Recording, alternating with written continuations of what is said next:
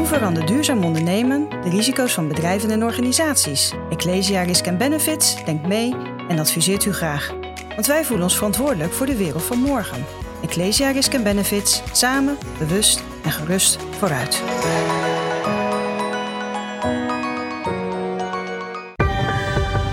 Ecosofie wordt mede mogelijk gemaakt door Renewy.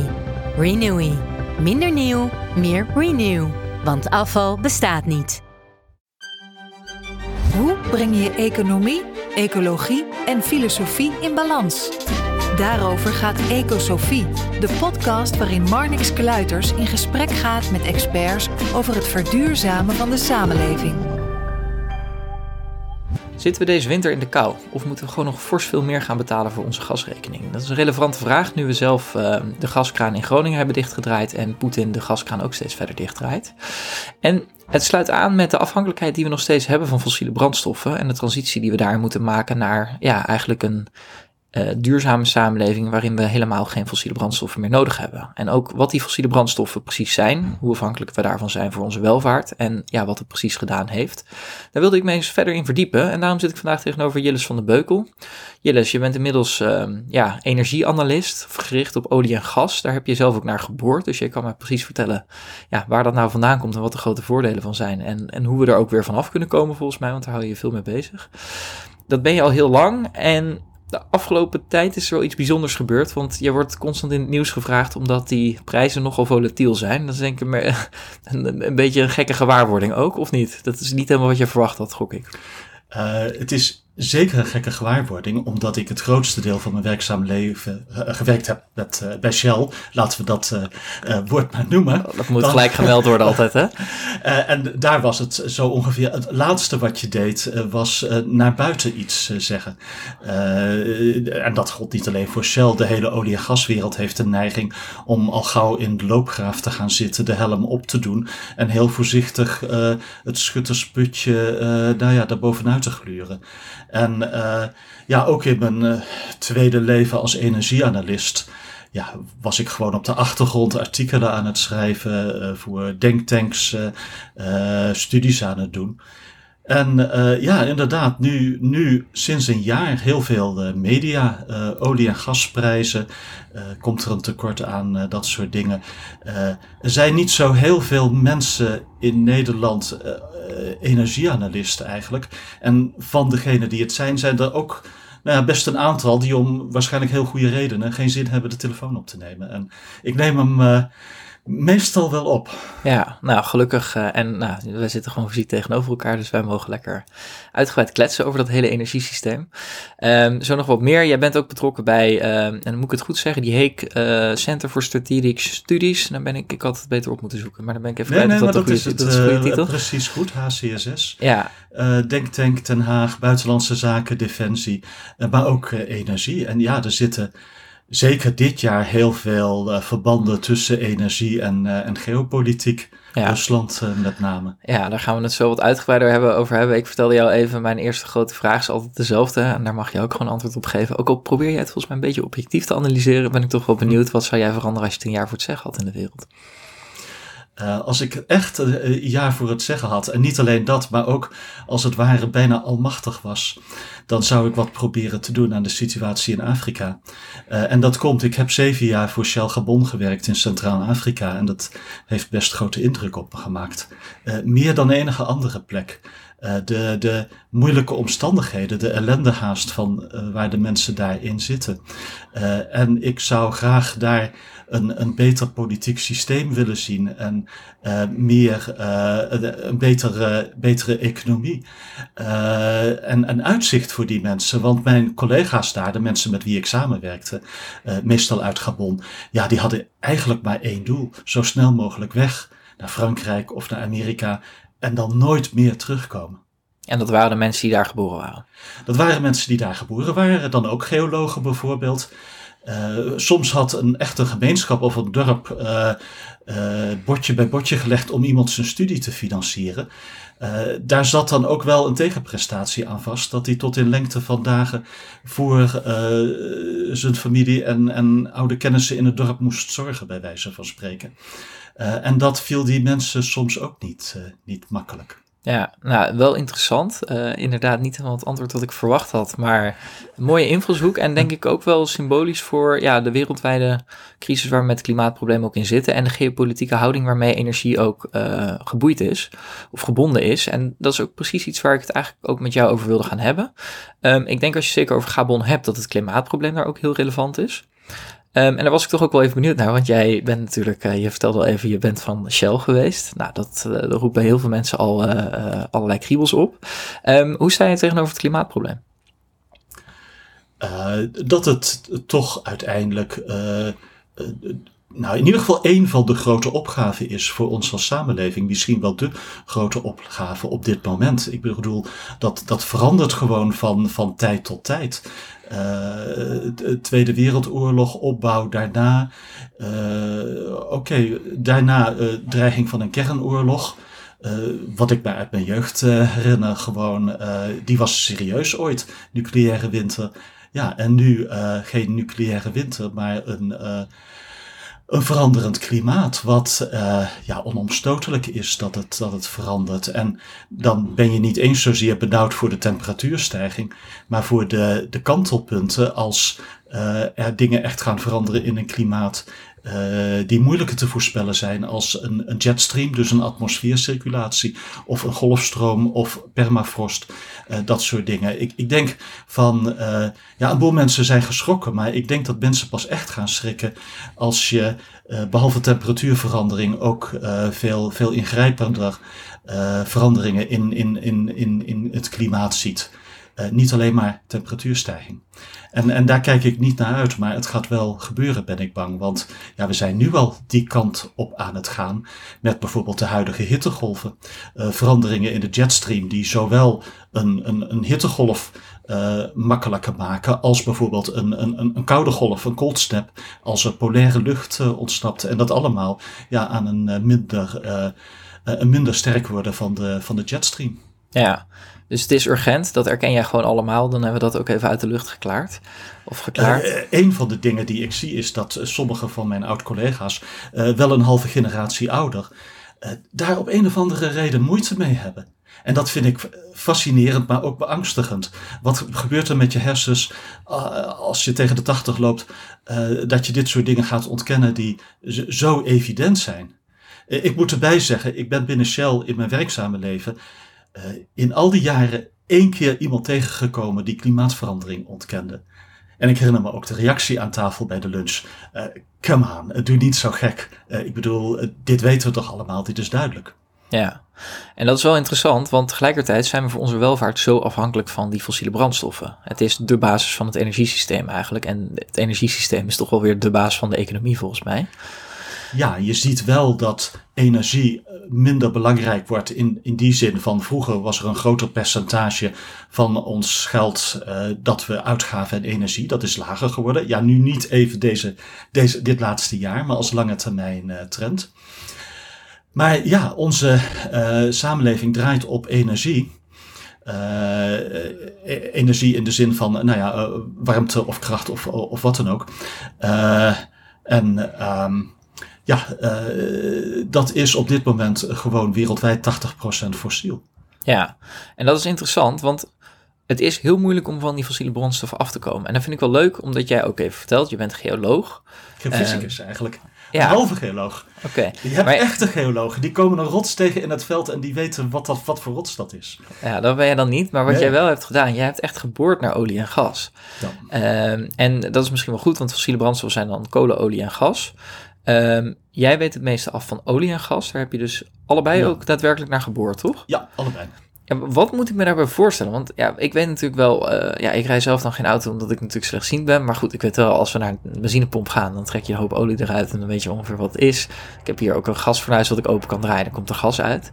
Maar dat, dat komt samen en dat zijn volgens mij uh, resten plant- en diersoorten of zo die door miljoenen jaren samengeperst zijn en in de grond terechtkomen of zo. Vertel uh, meer. Ja, ja, nee, gewoon inderdaad precies wat je zegt. Uh, meest planten, beetje dieren, organisch materiaal, dus er zitten koolstofmoleculen in. Uh, dat begraaf je op diepte, kilometers diep. Hoge temperatuur, 50, misschien 100 graden. Nou ja, en als je boven een bepaalde druk en temperatuur komt, Dan uh, ga je uh, koolwaterstoffen vormen, in eerste instantie olie. En als je het nog warmer maakt en nog meer samenperst, uh, gas. En uiteindelijk, als je het nog meer samenperst, kolen.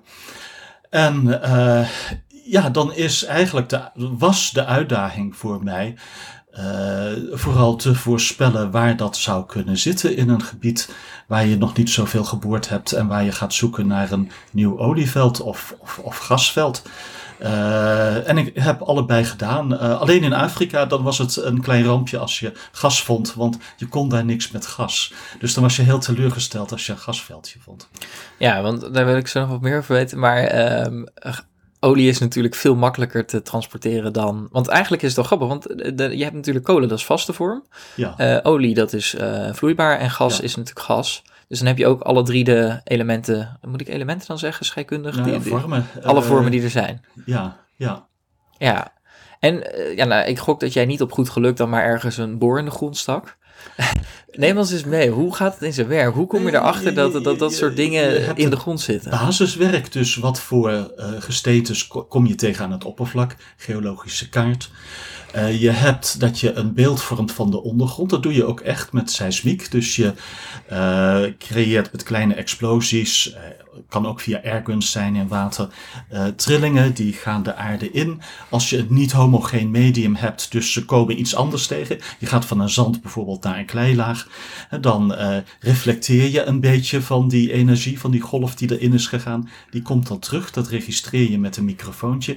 En daarna is het een kwestie van nou ja, slimme computer computerprogramma's om een beeld van de aarde te maken. Vroeger was dat een lijn, dus echt een, een doorsnede. Tegenwoordig is dat echt een 3D-kubus van de ondergrond. En dan heb je in ieder geval een beeld van hoe die lagen lopen. En dan vervolgens probeer je te voorspellen. Misschien is er 50 kilometer verderop wel eens gebeurd. Van nou, in deze laag zou wel eens olie gevormd kunnen zijn. Uh, in deze laag zou het er nu in kunnen zitten. En dat is een doorlatende laag die betekent dat die olie ook kan stromen. Hè, want je, als je een put boort, oké, je wilt wel dat die olie naar die put toestroomt, anders heb je er weinig aan. Ja, en je hebt een afsluitende laag nodig. Dus die drie elementen heb je eigenlijk nodig. Je moet die uh, olie of gas uh, vormen. Het moet ergens in zitten waar het kan stromen naar je put toe. En erbovenop moet een afsluiting zitten. Als je bijvoorbeeld kijkt naar het Groningenveld. Uh, het komt uit de kolen carboon, ook echt uh, nou ja, 300, 350 miljoen jaar oud. Uh, daar is het uitgekomen, die olie en gas. uiteindelijk is het allemaal gas geworden, zo diep is het daar gegaan. Daarboven zit een zand, woestijnzand, roodliegend. ook echt rood, hebben de Duitsers zo genoemd, omdat er een beetje ijzer in zit. Dat oxideert en dan wordt het, wordt het rood. Een beetje marsachtige kleur moet ik aan denken. Ja, een beetje marsachtige kleur. Nou weet ik niet of het in Mars ook oxidatie is. Maar nee, dat, nee niet, want geen zuurstof natuurlijk. Maar goed, in ieder geval, uh, uh, dat, dat is dan echt uh, rood. En daarboven, ja, er zit een beetje klei en dan zit er zout boven. Dus je bent gegaan van een soort moeras, 350 miljoen jaar geleden, naar een woestijnzand, even uit mijn hoofd, 270 miljoen jaar geleden. En daarboven een zee zoals de Perzische Golf die dan helemaal opdroogde in een warm klimaat en dan sloeg er zout neer. Ja, en het leuke van die zoutlaag is, het laat helemaal niets door. Uh, ook geen olie en gas. Dus daaronder is het dan gevangen. En als je dan de, de top van het reservoir zo'n structuur heeft uh, dat het, nou ja, als het ware een beetje rond is, dat het niet kan ontsnappen. Nou ja, dan vind je daar echt een, een olieveld of een, of een gasveld onder. Ja, dus dat was ook echt wat je deed. je, je schreef een voorstel, een boorvoorstel. Hoe groot is de kans dat je hier olie of gas vindt? wat is het risico? wat is de kans op succes? Nou, misschien maar 20% bij wijze van spreken. Hoeveel vind je dan? Nou ja, dat reken dan. En, en dan haalde je een econoom bij en die rekende dan uit van oké, dit kan wel of niet commercieel aantrekkelijk zijn. En dan ging je zo'n put boren. soms al heel snel daarna, dan, dan deed je dat zelf nog. Dan boorde je je eigen put en dan werd het verschrikkelijk spannend als je op het niveau kwam waar olie of gas zou kunnen zitten. Ja, maar hoeveel kilometer ga je dan de grond in? Uh, nou, een kilometer of drie, maar kan ook minder zijn. Twee tot maximaal vijf of zes. Ja. En, en dan heb je dus echt zo'n hele ploeg, zo'n hele boortoren, misschien honderd mensen, eh, die, die werken daar tijden naartoe en dan gaan ze boeren inderdaad. En dan, dan eh, vroeger werden gewoon die metingen gefaxt, maar daarna zag je ze real-time op je scherm binnenkomen. En dan tikte dat zo steeds een heel klein beetje verder. En dan wist je, nu ga je de zandlaag in waarin olie of gas moet zitten. En dan keek je naar je resistivity lock. Sorry, weerstand. Uh, water uh, makkelijker glijdend dan olie of gas. Uh, en als die weerstand dan laag bleef, dan wist je van er zit water. En dan zag je letterlijk dus, nou ja, miljoenen of tientallen miljoenen voor je ogen verdampen. Ik kan me voorstellen dat dit net een voetbalwedstrijd is. Dat je echt. Uh, ja, en dan is het penalties aan het eind van de voetbalwedstrijd. Uh, schiet hij hem erin of niet? Zoiets, ja. Dus je, hebt, je maakt allebei mee. De, de echte sinking feeling. Als je een jaar naar iets hebt toegewerkt en iedereen kijkt mee. Misschien kijkt een heel bedrijf over je schouder mee. Uh, dat, dat, die druk, dat voel je wel. Ja, ja, dat geloof ik wel. Die druk was ik op een gegeven moment helemaal zat. Ja, dat kan ik me voorstellen. En ook de druk om je mond erover moeten, te moeten houden. Toen heb je bedacht volgens mij om, uh, om, om uh, erover te gaan schrijven in plaats van uh, er erin te doen. Ah, dat was een beetje... Kijk, je wordt ouder. Je gaat de 50 voorbij. En, en, je, en je, wordt, je maakt carrière. Je bent manager, teamlead. Nou, en ik was gewoon geen goede teamlead. A, ik vond het niet leuk. B, ik kon het van geen kanten. Dat is geen goede combinatie. Dus... Lijkt me een vrij snelle route naar de uitgang inderdaad. Ja, en die heb ik ook zelf genomen. Ik heb eh, zelf uh, gezegd op een gegeven moment: uh, ik wil wat anders gaan doen. Ik had op dat moment geen idee wat.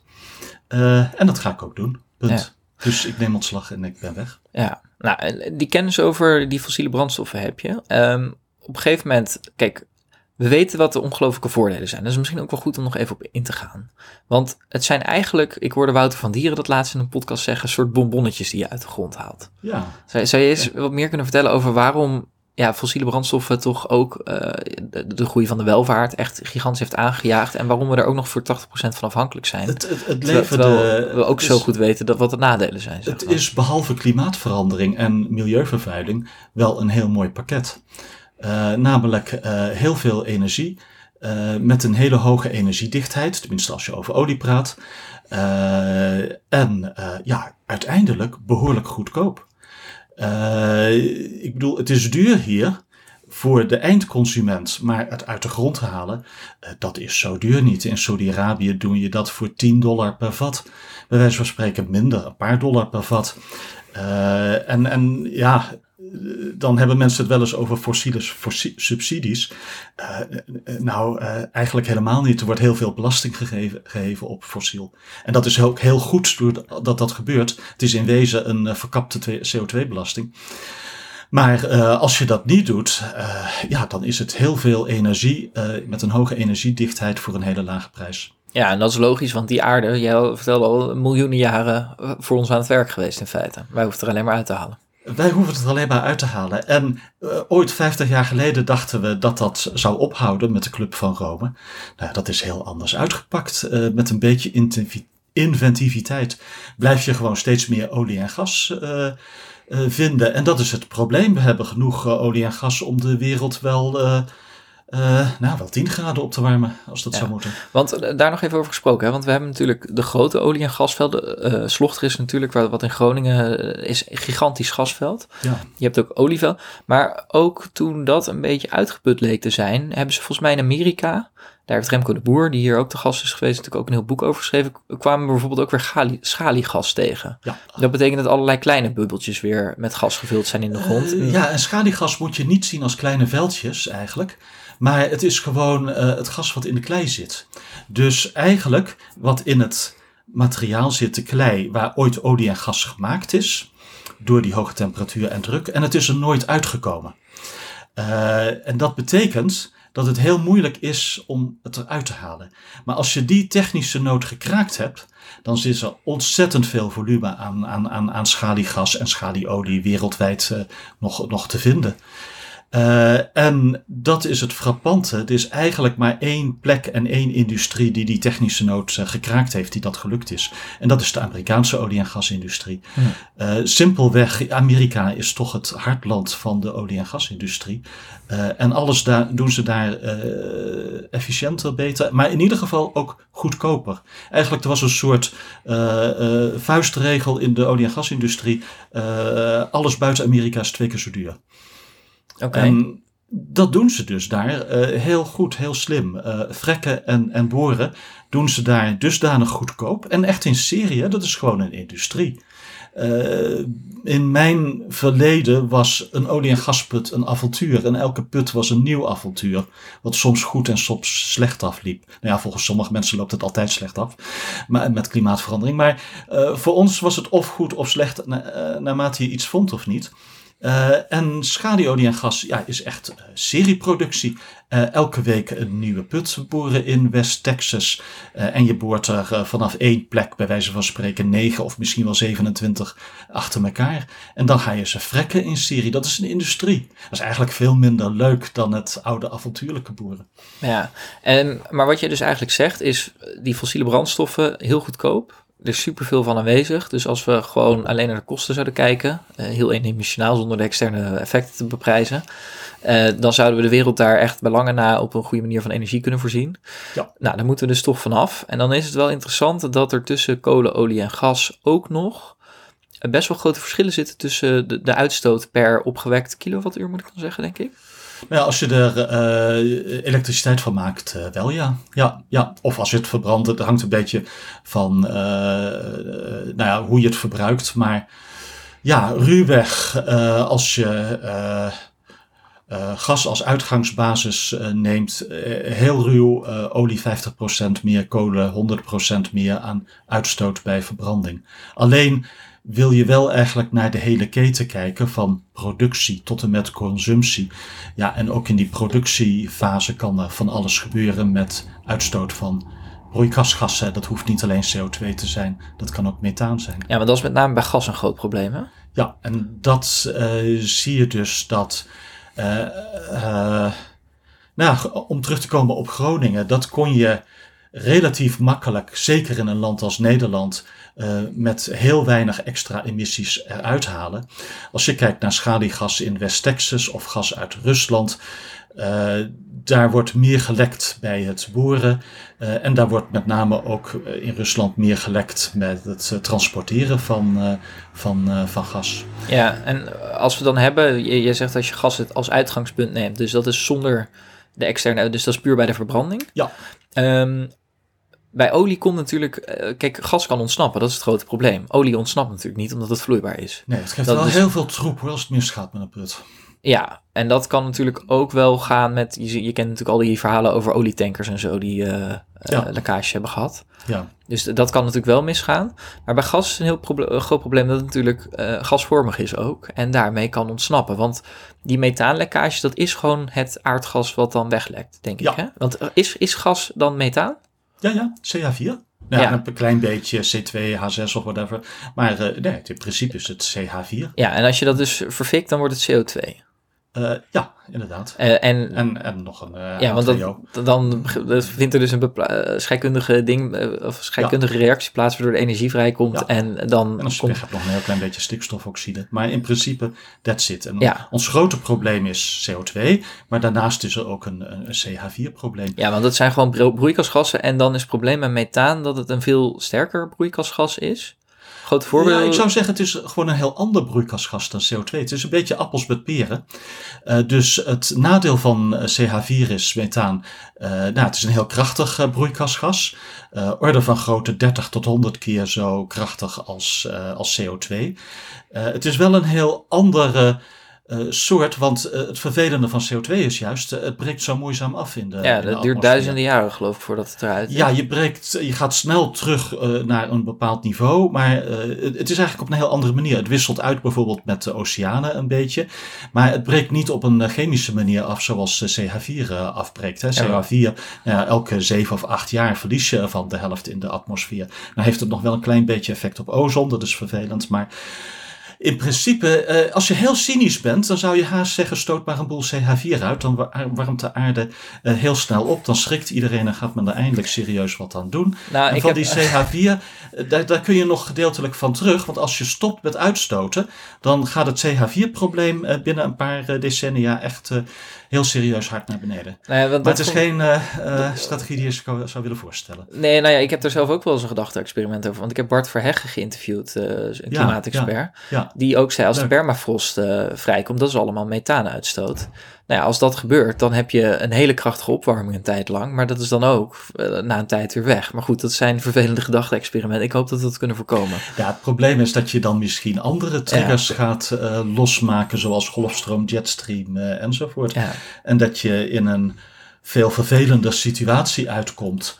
Nou ja, gewoon, kijk, laten we wel zijn. We, gaan nu, we zijn van geen kanten op weg naar anderhalf. We mogen blij zijn als we onder de twee blijven uh, met de huidige manier waarop op dingen gaat.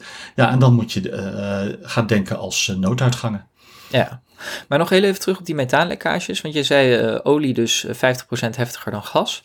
Um, hoe is dat als wij gas uit Rusland importeren? Komt dat dan op hetzelfde niveau van olie uit? Uh, ruwweg, uh, gas uit Rusland heeft een, uh, mijn officiële formulering is rond de 30 tot 50 procent hogere totale carbon footprint over de hele keten dan uh, gas uit Nederland of uit de Noordzee in het algemeen, waarbij het vrijwel alleen de consumptie, het verbranden van gas is die het klimaateffect heeft. En dat is voor een stukje, nou het kost gewoon heel veel energie om gas door een dun rietje van West-Siberië naar Europa te duwen. En dat is een derde misschien van het effect. En twee derde is gewoon dat, ze, uh, dat je, nou ja, het is een veel langer en complexer systeem. Dan heb je al meer kans om dat het ergens lekt. Ja, en je kunt ook wel zeggen dat in Rusland het voorkomen van lekken wat minder hoog op de agenda staat. En je kunt daar, als je de zaak moet repareren, nou dan laten ze gewoon een boel gas uh, weglekken.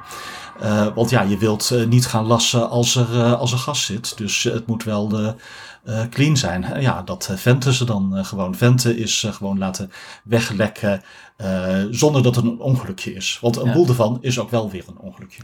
En dat hadden wij in Nederland of in West-Europa eigenlijk veel beter geregeld, geloof ik. Ja, dat hebben we. Ja, en daar krijgt uh, Nederland en West-Europa ook totaal geen credits voor. Dus bijvoorbeeld bij het sluiten van Groningen is, zijn dat soort dingen van leveringszekerheid voor energie en de lagere footprint van Groningen gas, carbon footprint, dat speelde totaal geen rol. En het is pas nu de laatste tijd dat er een beetje uh, nou, een, realisering op gas komt van oké, als Nederland een netto gasimporteur is, en dat blijven we nog 10 of 20 jaar, is het toch misschien niet zo gek om te kijken van wat voor gas we dan daarvoor gebruiken. En dan kun je beter Nederlands gas gebruiken dan schaliegas of Russisch gas. En je kunt ook beter dan uh, misschien Nederlands gas uh, gebruiken en er nog wat extra's, bijvoorbeeld CCS, bovenop doen of verplichten. Ja, want dan eh, CCS, dat is opslag van gas onder de grond, of de uitstoot uh, van CO2 gas. CO2 dan in dat geval. Ja, want CO2 is natuurlijk ook weer een gas. Um, en dan zou je dus in feite, als je dat goed doet, zou je, zou je uh, hypothetisch um, fossiele brandstof kunnen gebruiken zonder uitstoot. Of in ieder geval met weinig uitstoot. En als je. het hangt een beetje vanaf, want dan kom je op de discussie van groene versus blauwe waterstof. Uh, en blauwe waterstof is inderdaad dan met die manier met CCS alleen zinvol als je echt je emissies heel goed onder controle hebt. Ja. Dus eigenlijk praat je dan al gauw uh, uitsluitend met uh, Noordzeegas, Noors of Nederlands of, of Engels in plaats van gas uit Rusland of schaliegas uit VS. En natuurlijk ook vervoer van LNG betekent al toevoegen aan je carbon footprint. Ja, nou wil ik zo ingaan op LNG, want dat vind ik ook nog een interessante. Maar ik ben eerst even benieuwd, want we hebben net deze week te horen gekregen dat we als Europa, Europese Unie, denk ik, dan zijn de 15% van het gasverbruik willen terugdringen. Doordat Rusland volgens mij ook die gaskraan steeds verder heeft dichtgedraaid en Nederland bijvoorbeeld ook gestopt is met produceren. Um, Groningen, kun, ja. Kun je daar wat meer over vertellen hoe dat precies zit? Want we willen eigenlijk die afhankelijkheid van gas dan gewoon afbouwen. Nou de, de, de afhankelijkheid van Russisch gas in de Europese gasvoorziening is, uh, was hele lange tijd 30%. Is met het sluiten van Groningen uh, en nog uh, de algemeen, het algemeen op de achtergrond minder gasproductie in Europa gestegen naar zo'n 40, 45%. Nou ja, en dat was de situatie in 2019 en dat heeft Poetins macht gewoon vergroot. Zowel zijn geopolitieke macht als zijn vermogen om prijzen te zetten. Ja, misschien heeft hij dat moment wel afgewacht. Maar in ieder geval zien we nu dat hij gas als wapen is gaan gebruiken, als geopolitiek wapen. Uh, en dat heeft als gevolg dat ja, wij nu heel snel van Russisch gas af willen, moeten. Want ja, soms heb je het idee, wij willen er zelf vanaf. Maar op dit moment is het Poetin die de, aan het stuur zit en de kraan uh, dichtdraait. En, en ja, wij hebben daar maar mee, uh, mee om te gaan. En er komt een winter aan. Het vervelende van gas is, het winterverbruik is veel hoger dan het zomerverbruik met verwarming. Dus wij zitten nu met een acuut probleem. Hoe komen wij uh, komende winter door? En dan is het goed als wij gasverbruik verminderen. Zodat wij minder gevoelig zijn voor het stoppen van Russisch gas. Wat nu al voor driekwart gebeurd is. Ook nu Nord Stream 1 net wel weer in gebruik is genomen. Het, het is op een heel laag niveau dat uh, het gas uh, stroomt. Ja, want even ter overzicht. Hè? Dat Nord Stream 1 dat is een van de belangrijkste pijplijnen van Russisch gas naar West-Europa, denk ik. Ja, je hebt Nord Stream 1. Je hebt Nord Stream 2, die ernaast ligt en nooit in gebruik is genomen wat wel zou kunnen. Je hebt dan uh, de leiding door uh, Belarus en Polen heen. Jamal uh, heet hij. Je hebt een leidingssysteem door Oekraïne heen. En je hebt nog een drugstream door de Zwarte Zee naar Turkije heen. En afgelopen half jaar was eigenlijk Nord Stream 1 de enige die nog vol aanstond. En die is midden juni gegaan van 100 naar 40 procent van de capaciteit. Maar wat betekent dat? Want jij hebt het over 40, 45 procent van ons gasgebruik. Dat dat dus voorzien voor wordt door Europa de Russen. als geheel. Voor de EU 27 eigenlijk als geheel. Ja. Um, maar um, kan het dan zijn dat als dat Poetin die, die gastoevoer volledig naar nul terugdraait? Ja, want hij heeft hem nu al voor drie kwart verminderd ten opzichte van 2019. We zitten nu op 25% van uh, de gasinvoer uit Rusland vergeleken met 2019. Zeg maar het laatste normale jaar voor corona, voor uh, Oekraïne. Dus driekwart is al weggevallen. En dat is niet de enige, maar wel echt de voornaamste reden dat die gasprijzen zo ontzettend hoog zijn. Want wat we nu zien uh, op dit moment aan gasprijzen, sinds een paar weken, is ongeveer tien keer zo hoog als de gasprijs in 2019. Ja, want dat is wel interessant, want als je dan teruggaat van waar zit die afhankelijkheid van gas? Um, want we willen natuurlijk uiteindelijk naar een energiesysteem waarvan, waar we geen gas voor nodig hebben. Maar jij noemde geen al even... Uitstoot van fossiele, van, uh, geen uitstoot van broeikasgassen. Ja, ja dat. Ja. En dat willen we dan, de, meeste idee, de grootste willen dat dan helemaal zonder fossiele brandstof doen. Nou ja, goed, dat is wel de meest straightforward methode, ja. Daar ja. kun je dan over discussiëren wat daar wel of niet goed in is met opslag onder de grond. Um, maar waar gas dan het belangrijkste in is, is denk ik uh, onder andere het verwarmen van huizen, toch? Want dat is, kijk, als, uh, je zou ook kunnen zeggen van, nou ja, goed, als die gaskraan dichtgedraaid wordt, dan gaan we of naar ander gas zoeken uit andere delen van de wereld. Dat is denk ik één optie die we afzoeken. Maar goed, we hebben dus Groningen zelf ook dichtgedraaid. Dus dat is wel heel ongunstig dat dat precies dan nu gebeurt, denk ik. Ja. Um, maar we hebben wel dat, kijk, als, als we geen gas meer gebruiken, dan zitten we onder andere in de kou. Of waar hebben we gas nog meer voor nodig? Uh, industrie, uh, elektriciteit, uh, backup van zon en wind. Eigenlijk, we zien bijvoorbeeld in een land als Nederland, als je even, nou ja, niet, niet nu wat er nu het laatste half jaar gebeurt, maar zag je het Nederlandse elektriciteitssysteem begonnen aan een transitietraject waarop je op de korte termijn, zeg een termijn van vijf of tien jaar, convergeerde naar een systeem van heel veel zon en wind en gas, aardgas als backup. Uh, ja, dat ja, want het fijne, het fijne van gascentrales is dat je, net zoals een fornuis, je kunt hem een stukje opendraaien en weer dichtdraaien, toch? Ja, en, en als je dan een fossiele brandstof verbruikt, ja, dan toch maar liever gas dan, uh, dan kolen. Ja, precies, want wind en zon zijn natuurlijk, dan moet het net waaien of de zon schijnen, dus dan zou je het kunnen aanvullen met een stabiele Dus je zag Nederland, maar ook Duitsland oplijnen naar een heel veel zon en wind. Hè, misschien wel 50 of 70 procent van onze elektriciteitsvoorziening. Hè, dan praat je richting 2030. Uh, de plannen, ambities, maar toch ook realistische ambities hè, met alles wat er nu mogelijk is. En dan uh, de korte termijn backup, want dat moeten we nog wel oplossen, dat probleem voor de lange termijn. Was, uh, hadden we gedacht, gas, aardgas. Ja, en dat hadden we niet alleen gedacht, dat denken we nog steeds. Alleen het wordt duurder aardgas en minder of niet uit Rusland. Ja, en nou kun je volgens mij de elektriciteitsvoorziening kun je ook nog wel oplossen met kolen of uh, olie. Maar onze huizen kunnen we niet ineens gaan verwarmen met kolen of olie. Of zie ik dat verkeerd? Nou, maar wel met, met elektriciteit. Uh, ja, ja maar dan ook met we, waterstof, maar dat is echt geen handige ja, goed, oplossing voor verwarming van, uh, van huizen. Dan moet ik wel een drastisch andere verwarming ineens in mijn huis zetten, toch? Dat is nu allemaal op aardgas gericht. Of, of zie ik dat verkeerd? Ja, maar wat niet zo drastisch is, is een hybride warmtepomp dat je 80% elektriciteit, 20% oh, gas doet. En dat gas kun je ook nog gaan denken aan groen gas bijvoorbeeld. Uh, groen gas heb je wel beperkte volumes die mogelijk zijn. Maar als het nou, maar 20% hoeft te zijn, dan, dan maakt dat het al een stuk makkelijker. Ja. Maar ja, dat is eigenlijk het, het, het, basisverhaal van de energietransitie. Je gaat veel meer uh, elektrificeren. Je gaat eigenlijk, voor zover je kunt, switchen van moleculen naar elektronen. Omdat het voor elektronen veel makkelijker is om ze zero carbon uh, aan te maken. Ja, want als we dan nog even terugkomen. Rusland rijdt die gaskraan misschien wel helemaal dicht.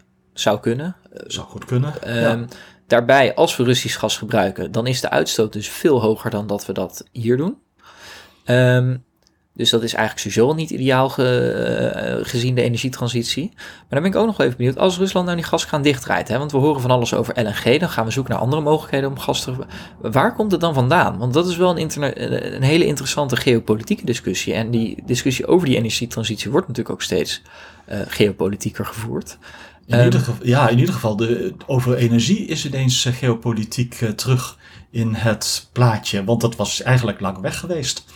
En we hadden het gevoel vijf of tien jaar geleden van oké, okay, Groningen gas, we kunnen zonder. En de markt lost het wel op. En we komen nu ja, de, de, de grenzen tegen van ons marktsysteem. Zeker als het een uh, vrij autonoom, uh, ongeleid marktsysteem is. Uh, ik zou haast zeggen een ongelijk projectiel een beetje. Ja. Uh, dus ja, je ziet nu dat we een mix doen van minder vraag. Nou, dat komt vooral door hoge prijzen. Uh, snel uitbouwen van zon en wind, maar het heeft tijd nodig. Uh, ja, en dan komt de bulk van de korte termijn om komende winter door te komen toch neer op heel veel LNG invoeren. Uh, wat een mix is van LNG uit Rusland. Dat stroomt nog wel nog steeds. Dat, dat uh, heeft minder de aandacht. Uh, maar de, de teruggang van Russisch gas is vooral in pijpleidingen, minder in LNG. Ja, maar dat kan Poetin toch ook dichtdraaien? Ja, dat kan Poetin ook dichtdraaien. Dus dan zijn we. Ja. Dus die hele overgang naar LNG, daar heeft hij ook nog de, de, sleutels in handen. Ja, maar LNG heeft veel meer bronnen. met name als je even de grote leveranciers voor Europa op een rijtje zet. Ja, maar ik wil eerst nog iets anders aftasten met LNG. Want het grote probleem met gas is natuurlijk dat als je het oppakt, dan vliegt het weg. Dat is het hele fijne met olie, dat het veel fijner, veel makkelijker te vervoeren is. Ja. En LNG betekent eigenlijk, want dat, ik vind dat een hele interessante tegenstelling, want we hadden net over alle vormen. Vloeibaar gas is, want LNG dat is vloeibaar gas. Vloeibaar gas is scheikundig natuurlijk gezien de raarste tegenstelling die je maar kan bedenken. Toch? Want nou, nee, iets, is, ik bedoel, als je maar koud genoeg gaat, ja, maar, gas, uh, uh, vloeibaar afhankelijk van temperatuur en druk. Maar, maar, de verwarring die erin zit is natuurlijk dat je drie vormen hebt, gas, vast of vloeibaar. En dat we aardgas ook aardgas hebben genoemd, omdat het altijd gasvormig in de grond zit, denk ik. Ja, Maar dat je het natuurlijk wel vloeibaar kan ja, maken. Ja, oké, vloeibaar gas is een beetje een rare term. Uh, maar dan, dat is dus eigenlijk wat je doet. Dus je maakt gas heel erg koud, waardoor het beter te vervoeren is, toch? ja, min 160 uh, vloeibaar. En uh, ja, dan, dan is het volume zoveel lager dat je met één tanker ineens heel veel energie kunt gaan vervoeren. zelfde orde van grootte als je een grote olietanker vervoert. Want het, de dichtheid wordt dan beter of zo? Of in ieder geval de energiedichtheid. Ja, zowel uh, uh, per, per volume dan, althans. Ja, alleen de hoeveelheid, dus de, de hoeveelheid energie die ervoor nodig is. Dus als we weer teruggaan naar dat olie, olie, olie 50% ja, moet, meer uit... Je moet het koelen naar min 160. Ja, ja, daar gaat natuurlijk weer heel veel energie bij gepaard. Ja, en, en, dus de, en de basisvorm is dat je daarvoor gas verstookt. Dus, uh, dus ruwweg, uh, je, ver, je, je verstookt 10 moleculen CH4 om er 100 vloeibaar te maken, die orde van grootte. Ja. overigens, dat kan netter hoor. Je kunt in principe ook LNG maken op basis van zonne-energie of van waterkracht. Daar wordt ook aan gewerkt. Maar goed, dan heb je... Nieuwe LNG-plants ja. die die carbon footprint omlaag brengen. Waterkracht ja. in Canada, zon in landen als Oman of Midden-Oosten. Ja, maar goed, zolang we tekort hebben aan duurzame energie, lost dat natuurlijk eigenlijk in feite niks op.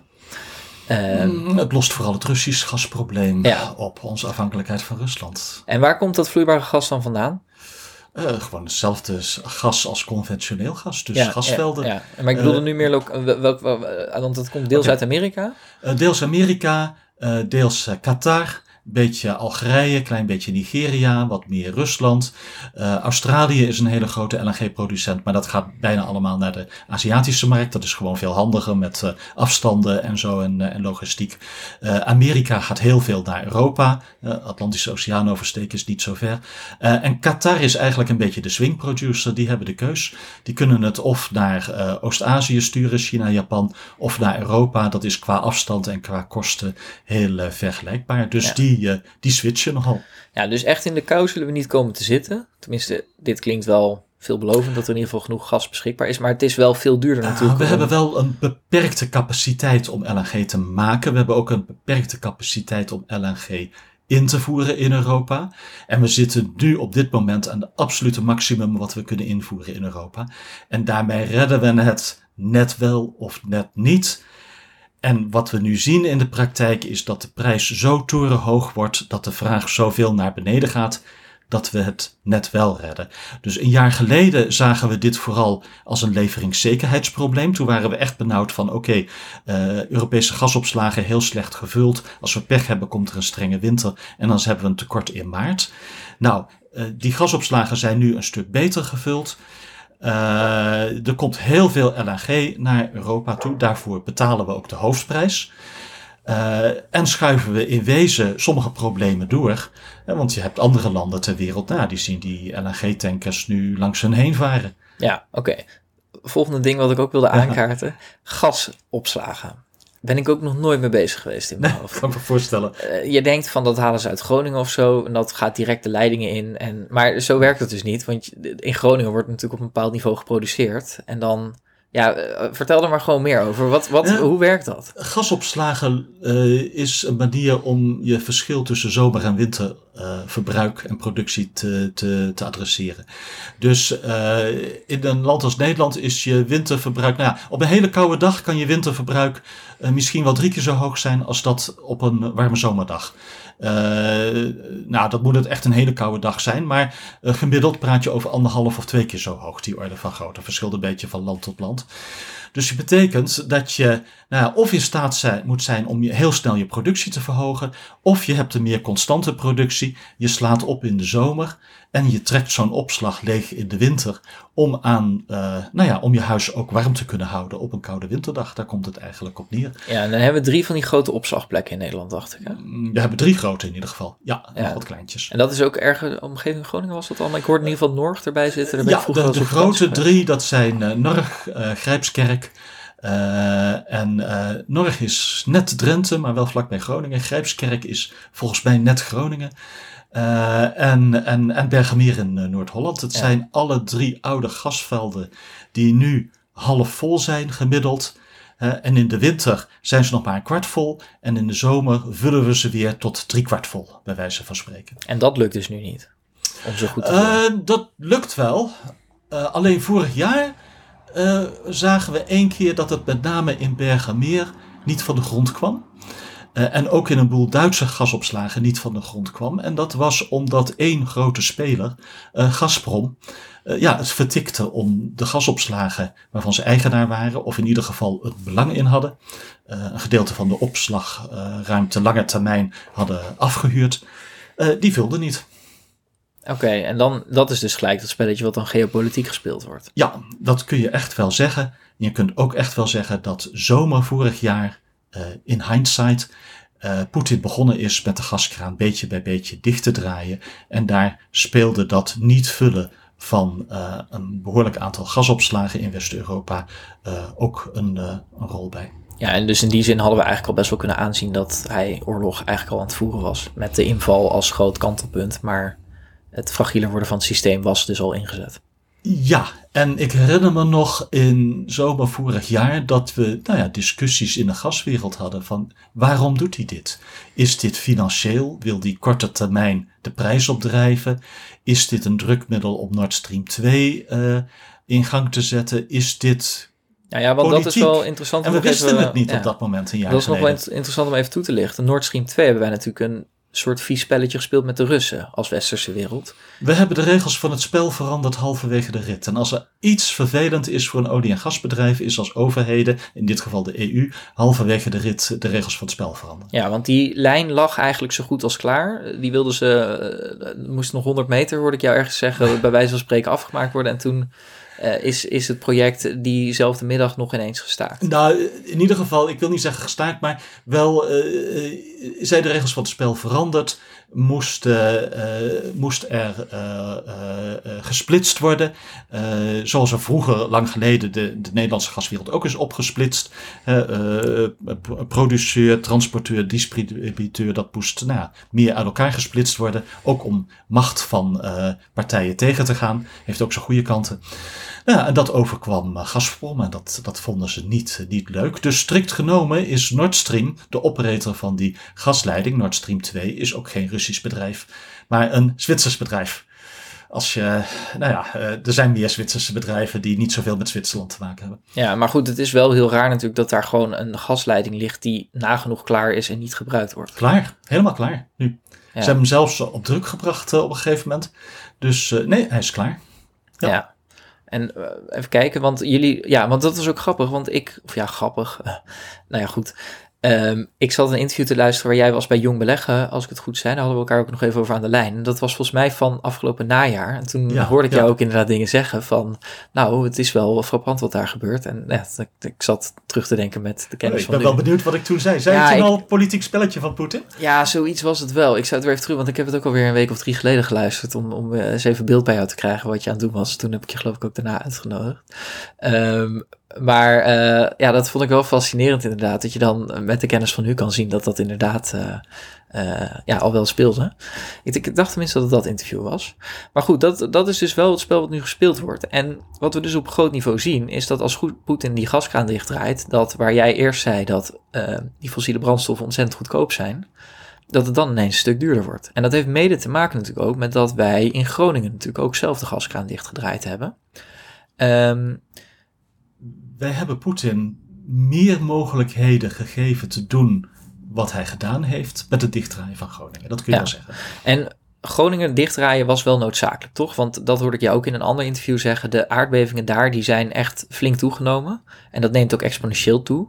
Dus in die zin zou het volgens mij ook niet goed zijn om die gaskraan zomaar wel open te draaien. Maar dat lijkt me wel een heel lastig iets als je het ook hebt met de leveringszekerheid. Ik denk dat het niet goed zou zijn om in ieder geval zonder technische trucs als stikstofinjectie Groningen helemaal leeg te trekken. Als je nu praat over nog wat Groningen produceren, is dat om voor een beperkte tijd, zeg één of twee jaar, de scherpste kantjes van de huidige energiecrisis eraf te veilen, maar niet meer dan dat. Ja, dus dat zou puur zijn mochten we echt in de kou komen te zitten, een strenge winter om.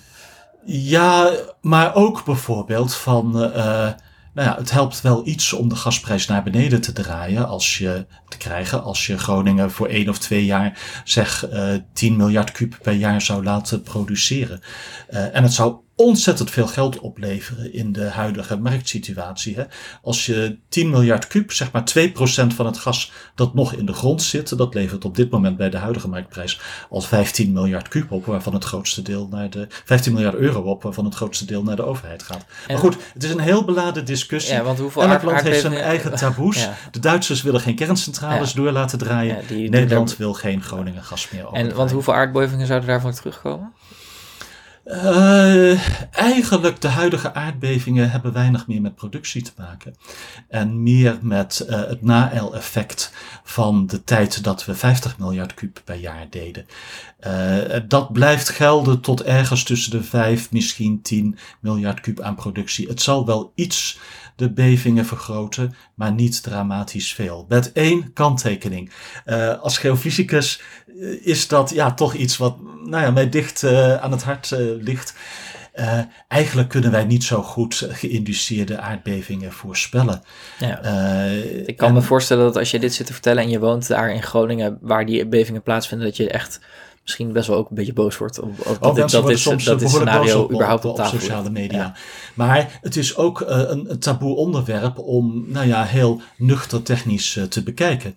Eh, ik, ik stel soms van, nou ja, oké, van de huidige 50.000 schademeldingen heeft het overgrote deel eh, niets meer te maken met schades, of heel weinig meer te maken met schades eh, die door bevingen komen. Eh, ik denk dat ik daar hele goede technische argumenten voor heb, maar dat zet de discussie wel op scherp. Ja, zoals zo überhaupt al een discussie daarna mogelijk is. ja, maar wat wel denk ik een terechte discussie is, en dat is misschien ook wel leuk om nu wat meer naartoe te trekken, is dat wij natuurlijk allerlei uitspraken hebben gehad, ook op het rechtelijke gebied. Ehm, we hebben Groningen natuurlijk dicht gedaan. Jij zei Groningen is een van de, of in ieder geval eh, gas, of je het nou uit Groningen haalt, in ieder geval in West-Europa doet, dan is het het meest eh, zuinige, dus het beste voor het klimaat.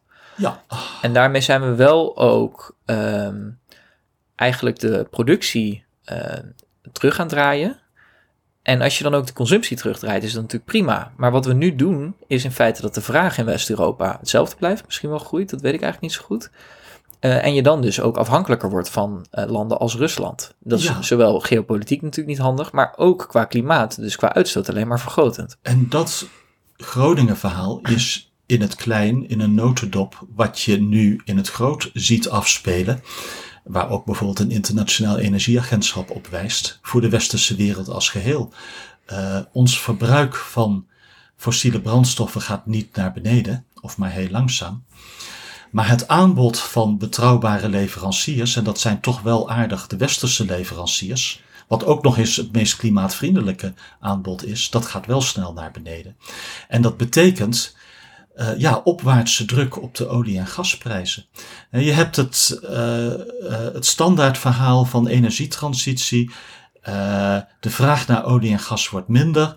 Dat betekent eh, minder vraag, lagere prijzen. En dat verhaal geloof ik best op een termijn van 30 jaar. Maar op een termijn van drie, vijf of tien jaar zien we iets heel anders gebeuren op de markten. Uh, onze vraag blijft hetzelfde. Het aanbod in de westerse wereld gaat omlaag. Wij worden meer afhankelijk van Rusland, van OPEC. Uh, en we krijgen hele rare, uh, volatiele markten waarin geopolitieke dingen een grote rol spelen. Waarin de prijzen snel op en neer gaan en eerder hoog dan, dan laag zijn. En dat wordt misschien wel het verhaal van het afscheid van fossiel. Een, een, een, een verhaal van meer chaotische markten. Met gemiddeld soms eerder hoge dan lage prijzen. Uh, die misschien wel helpen om wat sneller van fossiel af te gaan. Maar ook heel veel pijn opleveren. Want laten we wel zijn voor onze industrie, voor mensen uh, met een gasketel. Uh, die, ik bedoel, energieprijzen vliegen de pan uit. En gasprijzen hebben, zijn heel bepalend voor elektriciteitsprijzen bijvoorbeeld. Hè? En ja, dat, dat geeft een, een moeilijke situatie op dit moment. Ja, want een van de belangrijke dingen daarin is leveringszekerheid. Ja, dat, dat wil je echt wel hebben voor energie, leveringszekerheid. Ja. Ja, dus wat we eigenlijk doen is zeggen van we willen heel veel productie eigenlijk niet meer hebben in Europa, of in ieder geval waar wij leven. Ja, ja. Omdat we dat vies vinden, slecht voor het klimaat. Ja. Maar de consumptie blijft hetzelfde. En als we die leveringszekerheid willen behouden, dan zijn we dus afhankelijker steeds van Ja. andere landen. En dat Maar- is waar ik een de- andere keus maak dan sommige NGO's als Milieudefensie of Follow This. Eh, waarbij ik, mijn inschatting is, voer de strijd tegen fossiel aan de vraagkant. En voer hem niet aan de aanbodkant, althans niet in die mate dat het de aanbod sneller omlaag gaat dan de vraag. Want dan krijg je de situatie waar we nu een beetje eh, in zitten. Ja. Terwijl ik ook vind, voer die strijd tegen fossiel. Doe het sooner rather than later. Want het is echt nodig. Je hebt het risico dat in moeilijke economische tijden, die gaan er nu aankomen, recessie eh, enzovoort, dat we de, de eye of the ball nemen eh, als het gaat om de energietransitie. En dat zou niet goed zijn. Ja, we hebben het nu uitgebreid over gas gehad, want ik wil zo nog wat meer in op die discussie ook. Ehm, die we nu voeren over de aanbodkant en de vraagkant. Eh, geldt ditzelfde eigenlijk? Is dit gewoon exemplarisch ook voor eh, hoe we omgaan met kolen en olie? Nou, kolen is een apart verhaal omdat eh, reserves in kolen veel beter verspreid zijn over de wereld. Maar voor olie geldt in wezen hetzelfde, ja. Alleen hebben we daar schalieolie brengt wat verlichting, wel met een behoorlijk hoge klimaatfootprint. Maar ook in olie zie je van, ja, dat die prijzen, als je een lange termijn trend sinds 2014, de grote val van de olieprijs bekijkt, ja, toch weer aan een opwaartse trend zijn begonnen. Ja. ja. En jij noemde dat we. En voor één ding, laat het duidelijk zijn: we moeten hoge prijzen voor olie en gas hebben. Ja. Maar liefst door een beperking van emissierechten of eventueel een CO2-beprijzing en niet door hoge prijzen voor het ruwe product. Want dat geld dat verdwijnt uit onze westerse samenleving naar Rusland of Saudi-Arabië. Ja, want Rusland, dat wil je niet. Rusland lacht zich rot nu qua geld wat er binnenkomt. Uh, Rusland, Saudi-Arabië kan zich sowieso rotlachen met deze ontwikkeling.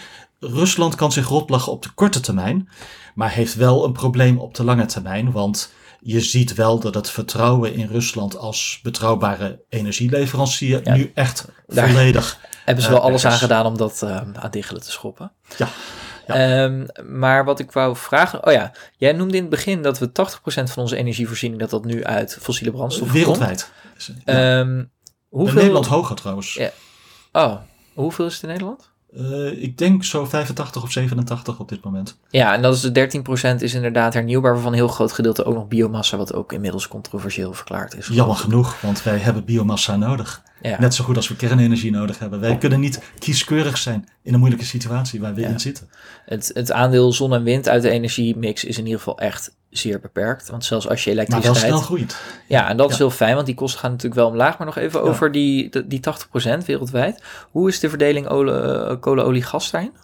Ah, uh, uh, ik, ik, olie en kolen zitten aardig in de buurt van elkaar. Gas er iets onder, dus ik denk uh, heel ruwweg 30, 30, 20. Ah ja.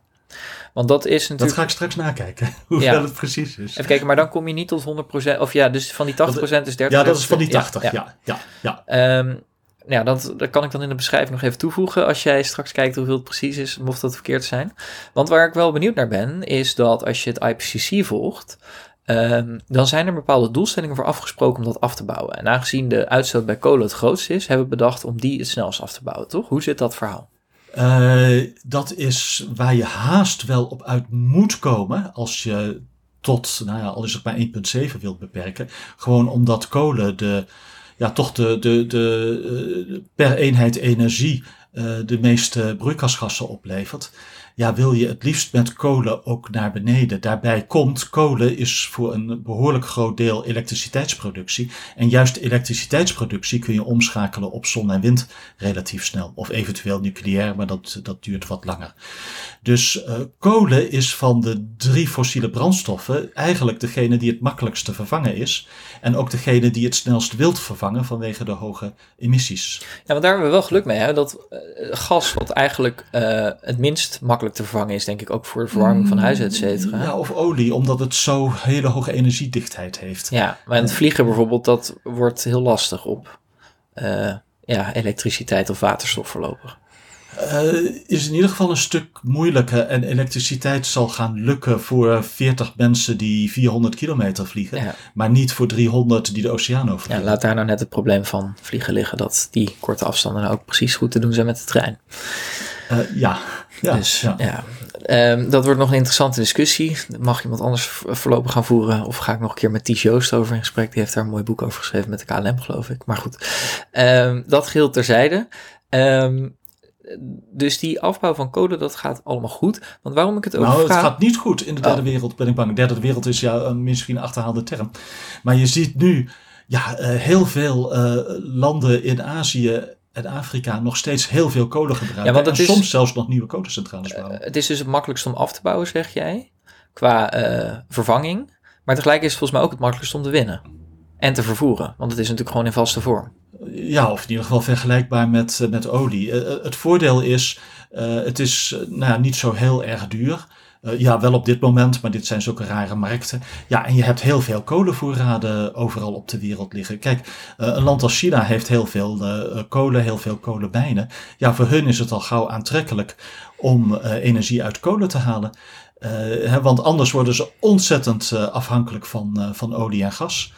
Uh, en uh, ja, dat het ook vrij goedkoop is. Nou ja, het is China wat, wat uh, 50, 60 procent van zijn energie uit kolen haalt. Dat is een ongekend hoog percentage. veel hoger dan de EU bijvoorbeeld. Ja, en dan was ik nog even, even benieuwd naar één andere term die jij net noemt. En dat is ook iets wat vaak in het nieuws verschijnt. Waarvan, nu ik het opgezocht heb, ik een beetje weet wat het inhoudt. Maar nog steeds het helemaal. Dus OPEC. Wat doet de OPEC precies? Uh, OPEC is een kartel wat de olieinkomsten voor olieproducerende landen uh, op de lange termijn op een zo hoog mogelijk niveau probeert te houden. En kartelvorming is in principe niet goed voor de consumenten? Uh, nee, kartelvorming is niet goed voor de consument, kun je wel zeggen. Ja, ja want ja. welke landen zijn dat? Uh, nou, de, de belangrijkste, uh, Saudi-Arabië met een paar Midden-Oostenlanden, Kuwait, Emiraten eromheen. Uh, nou ja, en dan wat verspreide uh, producenten in, in, in, in de rest van de wereld, in Angola, Brazilië, Venezuela en zo. En verder is er een soort meer informeel OPEC Plus pact, waarbij de belangrijkste pluscomponent uh, Rusland is naast ja. Mexico. Want wat dat OPEC eigenlijk doet, hè, dat zijn de netto um, netto exporterende landen, toch? Dus dat zijn de exporterende landen. En wat zij doen is uh, een, een, een, managed productie proberen te doen. Een beetje aan de kraan draaien. Uh, zodat in tijden van overschot. Uh, nou ja, de prijzen niet al te veel in elkaar donderen. En als het omgekeerde probeert, ja, dan toch redelijk snel met de productie. Want ook zij hebben geen belang bij superhoge olieprijzen. Zij willen uh, hun opbrengst maximaliseren op de lange termijn. Ja. En waarom dit wel relevant is, want ik noemde al even netto exporterend. De beweging die we dus maken, en dat is dus met kolen minder relevant omdat dat overal speelt. Tegelijkertijd willen we dus heel graag van die kolen af. Maar dat is dat um, de westerse wereld, of in ieder geval de Europese Unie, dus steeds minder want Nederland was altijd netto exporteur, exporteur van aardgas. Nou goed, ja. dat, hebben, dat is dus gestopt. Daardoor zijn we dus veel afhankelijker van allerlei regimes waar we eigenlijk niet afhankelijk van willen zijn. Maar dat is dus wel een trend die ook gaande is met uh, het steeds mindere aanbod dat we willen hebben. Terwijl de consumptie hetzelfde blijft. Ja, en wij zien eigenlijk de NGO's de strijd voeren tegen de shells van deze wereld. Uh, en daar hebben ze ook best invloed en succes in. Maar het betekent wel dat uh, er productie gaat verschuiven naar de NOC's, de National Oil Companies, uh, vaak OPEC. Ja, en dat je in de westerse olie- en gaswereld een verschuiving begint te zien van beursgenoteerde bedrijven naar uh, private equity gesteunde bedrijven die zich minder van aandeelhouders en publiciteit hoeven aan te trekken. Ja, en weet je hoe die cijfers zijn in de Europese Unie? Hoeveel halen wij binnen versus hoeveel wij. Um... Voor gas bijvoorbeeld in Europa zullen wij uh, binnen de EU orde van grote 10% nog zelf produceren en 90% importeren. Nou komt uh, die import niet alleen uit uh, schurkenstaten als Rusland, maar ook uit fatsoenlijke staten als Noorwegen, die wel een betrouwbare leverancier zijn. Maar toch, 10% als begin is, is, is, is wel een, ja, een basisprobleem voor de EU. Ja, en olie produceren wij überhaupt niet zelf, lijkt me? Uh, ja, nog wel een klein beetje, maar ook dat is, is ondertussen naar een heel laag uh, niveau gezakt. Uh, zeker op het moment dat de EU 28 en EU 27 werd zonder Engeland. En kolen? kolen hebben we iets meer, omdat we landen hebben als, als Polen bijvoorbeeld. En het voordeel van kolen is ja, dat het wereldwijd een veel meer verspreide productie is. Dus je bent niet zo gauw in hoge mate van één of twee schurkenstaten ja. afhankelijk. En de trend die we dus nu dus zien, en dat is ook met name waar jij je vaak druk om maakt. Um, dat is dus die gang naar de rechter. En ook Mark van Wouw heb ik ook gesproken over Follow This. Ja. En dat is bedrijven als Shell, waar jij natuurlijk gewerkt hebt. Um, wat mm -hmm. ook wel wordt gezien volgens mij als een beetje de voorloper op van al die vuile jongens die er zijn. Uh, zijn zij volgens mij wel het meest schoon. Um, en dat we die dan gaan aanpa aanpakken om hun uh, aanbod eigenlijk te verkleinen. Ja, met als en, kanttekening dat je eigenlijk kunt stellen: ik geloof niet dat Shell schoner is dan uh, Equinor uit Noorwegen of Total of BP. Maar het zijn wel de grote Europese bedrijven en ook kleinere hoor op de Noordzee, ja. die echt uh, dingen met een hele lage additionele emissies krijgen. Ja, wat die ja, activisten natuurlijk graag zien, is dat die miljarden die nu nog in fossiele bronnen gepompt worden, dat zij die graag zouden stoppen in de productie van duurzame energie. Ja. Maar je hebt er toch je uh, beperking van ideeën bij. Want jij zegt, ja, we moeten eigenlijk juist die consumptie aanpakken. Uh, ik denk dat consumptie aanpakken in het algemeen veel zinvoller is dan productie aanpakken. Als je productie aanpakt, uh, er is altijd ergens op de wereld iemand anders die in dat gat springt. En ondertussen ook nog profiteert van de wat hogere prijzen waartoe dat uh, meestal leidt. Consumptie aanpakken is echte vooruitgang. Productie aanpakken als het nou ja, bij wijze van spreken Groningen gas vervangen wordt. Nou, Groningen aparte discussie met de bevingen. Maar als Noordzeegas vervangen wordt door Russisch gas, is schijnvooruitgang, is in werkelijkheid achteruitgang. Ja. Vanwege de hogere uh, emissies. Dus uh, daarbij speelt iets anders van, ja, ik vind het goed dat Shell probeert uh, zijn renewables tak uit te breiden. En dat doen ze ook echt wel. Daar zijn ze serieus mee bezig. 25 of 30 procent van totale investeringen in 2030 is de kant die ze nu opgaan. Maar in wezen zou ik zeggen, is ons doel, nou bijvoorbeeld heel veel uh, renewable productie, wind op zee. Maar of die van Shell komt, of van, van, van Equinor of van Ørsted, kan mij niks schelen. Echt niet. Als die er maar komt. En ik denk ook eerlijk gezegd dat de Shells van deze wereld. Die waren goed in olie- en gasproductie. Uh, ik geloof niet dat ze nou zo'n grote voorsprong hebben. Uh, als het om, uh, om windturbines gaat, om het runnen van een windpark.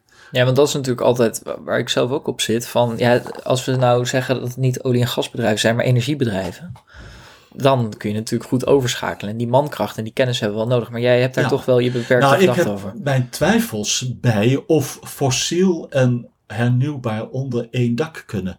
Want het zijn totaal verschillende takken van sport. Uh, fossiel is, is waarde, uh, korte termijn, uh, sunset-industrie. hernieuwbaar is lange termijn, groei en geen waarde, ben ik bang. Uh, in de zin van winst nu. Uh, en dat zijn totaal verschillende dingen. En ik denk dat je al heel gauw zult zien dat een hernieuwbare tak van een groot uh, bedrijf als Shell. buiten Shell meer waard is dan binnen Shell op de beurs. Dus dat er altijd een structurele drive zal zijn om. Uh, kijk, nu speelt dat niet zo in de huidige wereld met de enorme winsten die die bedrijven maken. Maar over een paar jaar zul je weer de discussie hebben van moeten wij de BP's van deze wereld niet uh, opsplitsen in een uh, oude fossiele, nog even heel veel winstmaker en een nieuwe lange termijn hernieuwbare tak. Die drive zal denk ik blijvend zijn. En ik, ja, ik hoop wel een beetje dat Shell dat als één geheel overleeft. Maar ik heb ook mijn twijfels over. Maar als jij zegt dat Shell eigenlijk niet in staat is, of je twijfels erbij hebt om uh, over te stappen op hernieuwbare energie, dan betekent dat dus gewoon dat Shell op korte termijn, of in ieder geval op middellange termijn, niet meer bestaat. Ik Mits denk we... wel dat Shell technisch in staat is om dat te doen, maar ik vraag mij af of investeerders, uh, hedge funds, ze daartoe op de lange termijn de kans geven. Oké. Okay. Want technisch zijn er ook echt wel argumenten voor een Shell om dat wel te doen. Maar dan denk ik dat de, de, de, de, de, de competitive edge, de, de technische voorsprong die bedrijven als Shell hebben, niet zozeer aan de wind- en zonkant ligt. En ook niet aan de distributiekant van elektriciteit, daar geloof ik echt niet in. Maar wel bijvoorbeeld aan de moleculenkant. Want wij schakelen wel over van elektronen naar moleculen. Maar we kunnen niet alles met elektronen doen. We zullen een gedeelte met moleculen moeten doen. Simpelweg omdat ze dan veel grotere energiedichtheid voor sommige toepassingen veel handiger uh, zijn. Ja, waterstof. Nee, waterstof of synthetische kerosine bijvoorbeeld. Ja, hè, en of dat bij wijze van spreken 10 of 30 procent van ons nieuwe energiesysteem wordt, weten we niet. Maar het wordt wel een bepaald gedeelte. En in die moleculen hebben ze wel degelijk een technische voorsprong. Dus ja. je zou hopen dat hun grote petrochemische complexen gaan vergroeien. Ja. En, en dat hoop ik dat dat een tak is van Shell met een grote toekomst. Tegelijkertijd denk ik wel. Jij zegt, ik denk niet dat hedge funds daar de, de, de kans voor geven, de investeerders. Maar dan is Mark van Bouwler toch juist een heel goed voorbeeld van, van iemand die daar wel naar stuurt. Uh, Mark van Baal wil vooral dat, uh, nou ja, dat Shell uh, snel overschakelt van, van fossiel naar hernieuwbaar. op zich kan ik me daar denk ik ook wel in vinden. Maar ik zie liever niet dat Shell al te snel fossiel afbouwt. Simpelweg vanwege het verhaal uh, dat als wij in de westerse wereld niets meer investeren in olie en gas, wij heel snel heel erg afhankelijk worden van OPEC en van landen als Rusland. En ja, die afhankelijkheid zegt, brengt geopolitieke ongelukken met zich mee. Eigenlijk is onze samenleving daar gewoon nog niet klaar voor.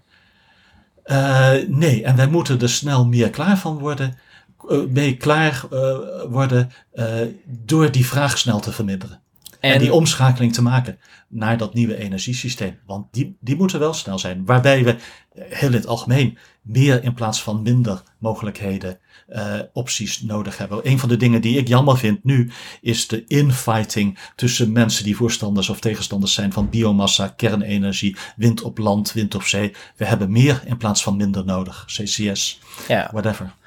Maar je kunt natuurlijk ook de vraag gewoon terugdringen. Je zou natuurlijk ook minder kunnen gaan consumeren. Maar als we het nou hebben over die vraag terugdringen, dan is bijvoorbeeld, uh, kunnen we natuurlijk denken aan uh, isolatie van huizen, denk ik, hè, wat al heel veel zou kunnen schelen op het gebied van verwarming. Ja. Um, zou je daarvan dan zeggen van ja, ga gewoon verplichten of ga het gewoon misschien een beetje dictatoriaal regelen en ga nu gewoon uh, als een gek die huizen uh, verwarmen en warmtepompen Maak het in ieder geval heel aantrekkelijk dat mensen dat misschien uit zichzelf doen. Uh, ik heb het idee verplichten geeft altijd heel veel uh, uh, boze reacties. Zo van ik wil niet verplicht worden. Maar maak het gewoon heel aantrekkelijk om dat te doen. En dan gaan mensen dat heus wel doen. en, en ja, de, de, de ideeën die daarvan leefden bij, nou bijvoorbeeld Henry, die je ook in de podcast hebt gehad, Bontebal, van ja, programma voor en isolatie en snelle invoering van bijvoorbeeld hybride warmtepompen, de 80% oplossing. Maar wel iets wat je redelijk snel kunt doen tegen niet al te hoge kosten. Doen, absoluut. Ja. Uh, eigenlijk hebben we de opgave, ja, korte termijn snel van de grond te komen. Met dingen als hybride warmtepompen, isolatie. En ook goed op te lijnen richting een, een, een, een lange termijn goede oplossingen met de, de grotere uitdaging. Hè? Want zon- en wind, elektriciteit gaat echt van de grond komen. Maar hoe gaan we van 50 of 70 procent uh, low carbon, zon en wind, uh, vooral misschien langere termijn kernenergie, naar 100 procent? Hoe gaan we die backup doen? Wat gaan we doen met flexibele vraag? Wat gaan we doen met waterstof? Wat moeten we dan opslaan? Uh, wat gaan we doen met, met batteries? Dat, dat is eigenlijk de grote uitgave, uh, opgave van deze tijd, van dit moment. Ja, daar wil ik zo nog even wat meer op ingaan. Tegelijkertijd als we nog heel even naar die vraagkant kijken. Um, we zien bijvoorbeeld laatst een motie voor uh, onderzoek naar een vleestaks die sneuvelt. En een, een vleestaks is bijvoorbeeld iets wat echt aan de vraagkant uh, zit, toch? Dus het ja, ik van denk vlees in de supermarkt. Van dat soort dingen waren lange termijn taboe, vliegtak of vleestaks. Maar dat die er wel van moeten komen. Ja. Even slikken misschien voor iemand die is opgegroeid in een heel andere wereld van mijn leeftijd. Ja. Maar wel, eh, nou nee, ik ben wel zover. Ja, dus eh, daar ben je groot voorstander van, want dan gaat die consumptie natuurlijk gewoon naar beneden. Um, dus dat soort dingen moeten er echt gebeuren, dat gewoon die vraag naar beneden gaat. En, um, uh, ja, en daarbij hebben we eigenlijk een best krachtdadige regering voor nodig, die ook echt gaat sturen. Ja, uh, en dat gebeurt en, niet. En dat is wel eens moeilijk, uh, want regeringen willen mensen niet te veel tegen de haren instrijken en hebben een beperkte uh, horizon, uh, vier jaar als we mazzel hebben. maar dat is wel wat er moet gebeuren. Ja. ja. En als we het dan hebben over dat nieuwe systeem wat jij zegt, ehm, nou dat aandeel zon en wind dat is echt heel laag op dit moment in Nederland ook, zeiden we net al. Maar heel snel groeiende. Ja, hoe, Hoe, wat verwacht je daarvan? Want de, de prijzen daarvan gaan ook uh, ja, door het dak, alleen dan uh, door de grond eigenlijk. Want ze gaan drastisch omlaag iedere keer, dus dat is heel goed. Nou, jammer genoeg heeft wind op land toch wel een beetje een acceptatieprobleem. Maar wind op zee, op de Noordzee, gaat echt werken in Nederland. En daarvan is de grote uitdaging toch uh, genoeg mankracht en snelle procedures. Nederland is een ontzettend langzaam land. Uh, alles duurt in Nederland keren zo lang als in het buitenland. Dat is wel een, uh, ja oké, sorry, expat verhaal die lang in het buitenland heeft gezeten en klaagt over Nederland. maar in dit opzicht is er recht op klagen. dingen duren in Nederland ontzettend lang als het om vergunningen gaat. En daar moeten we wat aan doen, samen met genoeg technische mensen. En ja, wind op zee heeft een grote toekomst, denk ik echt. En dat, en, en dat is ook best korte termijn uh, al. Alleen dat elektriciteitsnet, daar moeten we heel laat hard aan uh, werken. Ja, maar dat is natuurlijk ook weer een drama dat onlangs in uh, Brabant en Limburg de boel uit elkaar klapt en dat er geen nieuwe bedrijven meer nou, Hij klapt nog niet uit elkaar. Ja, maar, dat willen we voorkomen. Maar we zitten op, op, de grens van wat er haalbaar is. Ja, ja, nee, we moeten echt uh, die elektriciteitsnetten, want uh, energietransitie zal voor een behoorlijk stuk elektrificering zijn. En, en, en dat is meer de opgave dan uh, een boel zonnepanelen en een boel uh, windturbines op dit moment. Ja, want hoe snel verwacht jij, want ik dacht dus met het interview met Sander Boer wat ik wel eens gedaan heb, ik dacht en Remco de Boer ook dat het ongeveer op 4% nu uitkomt van de energiemix in Nederland. En nu dus... wel iets hoger dacht ik, zon en wind samen. Maar uh, nou ja, ik, ik, denk de grote vlucht van wind op zee, zoals die geschetst wordt door de regering 2030. Uh, ik heb niet het, de exacte cijfers in mijn hoofd, maar nou, die is realistisch, denk ik.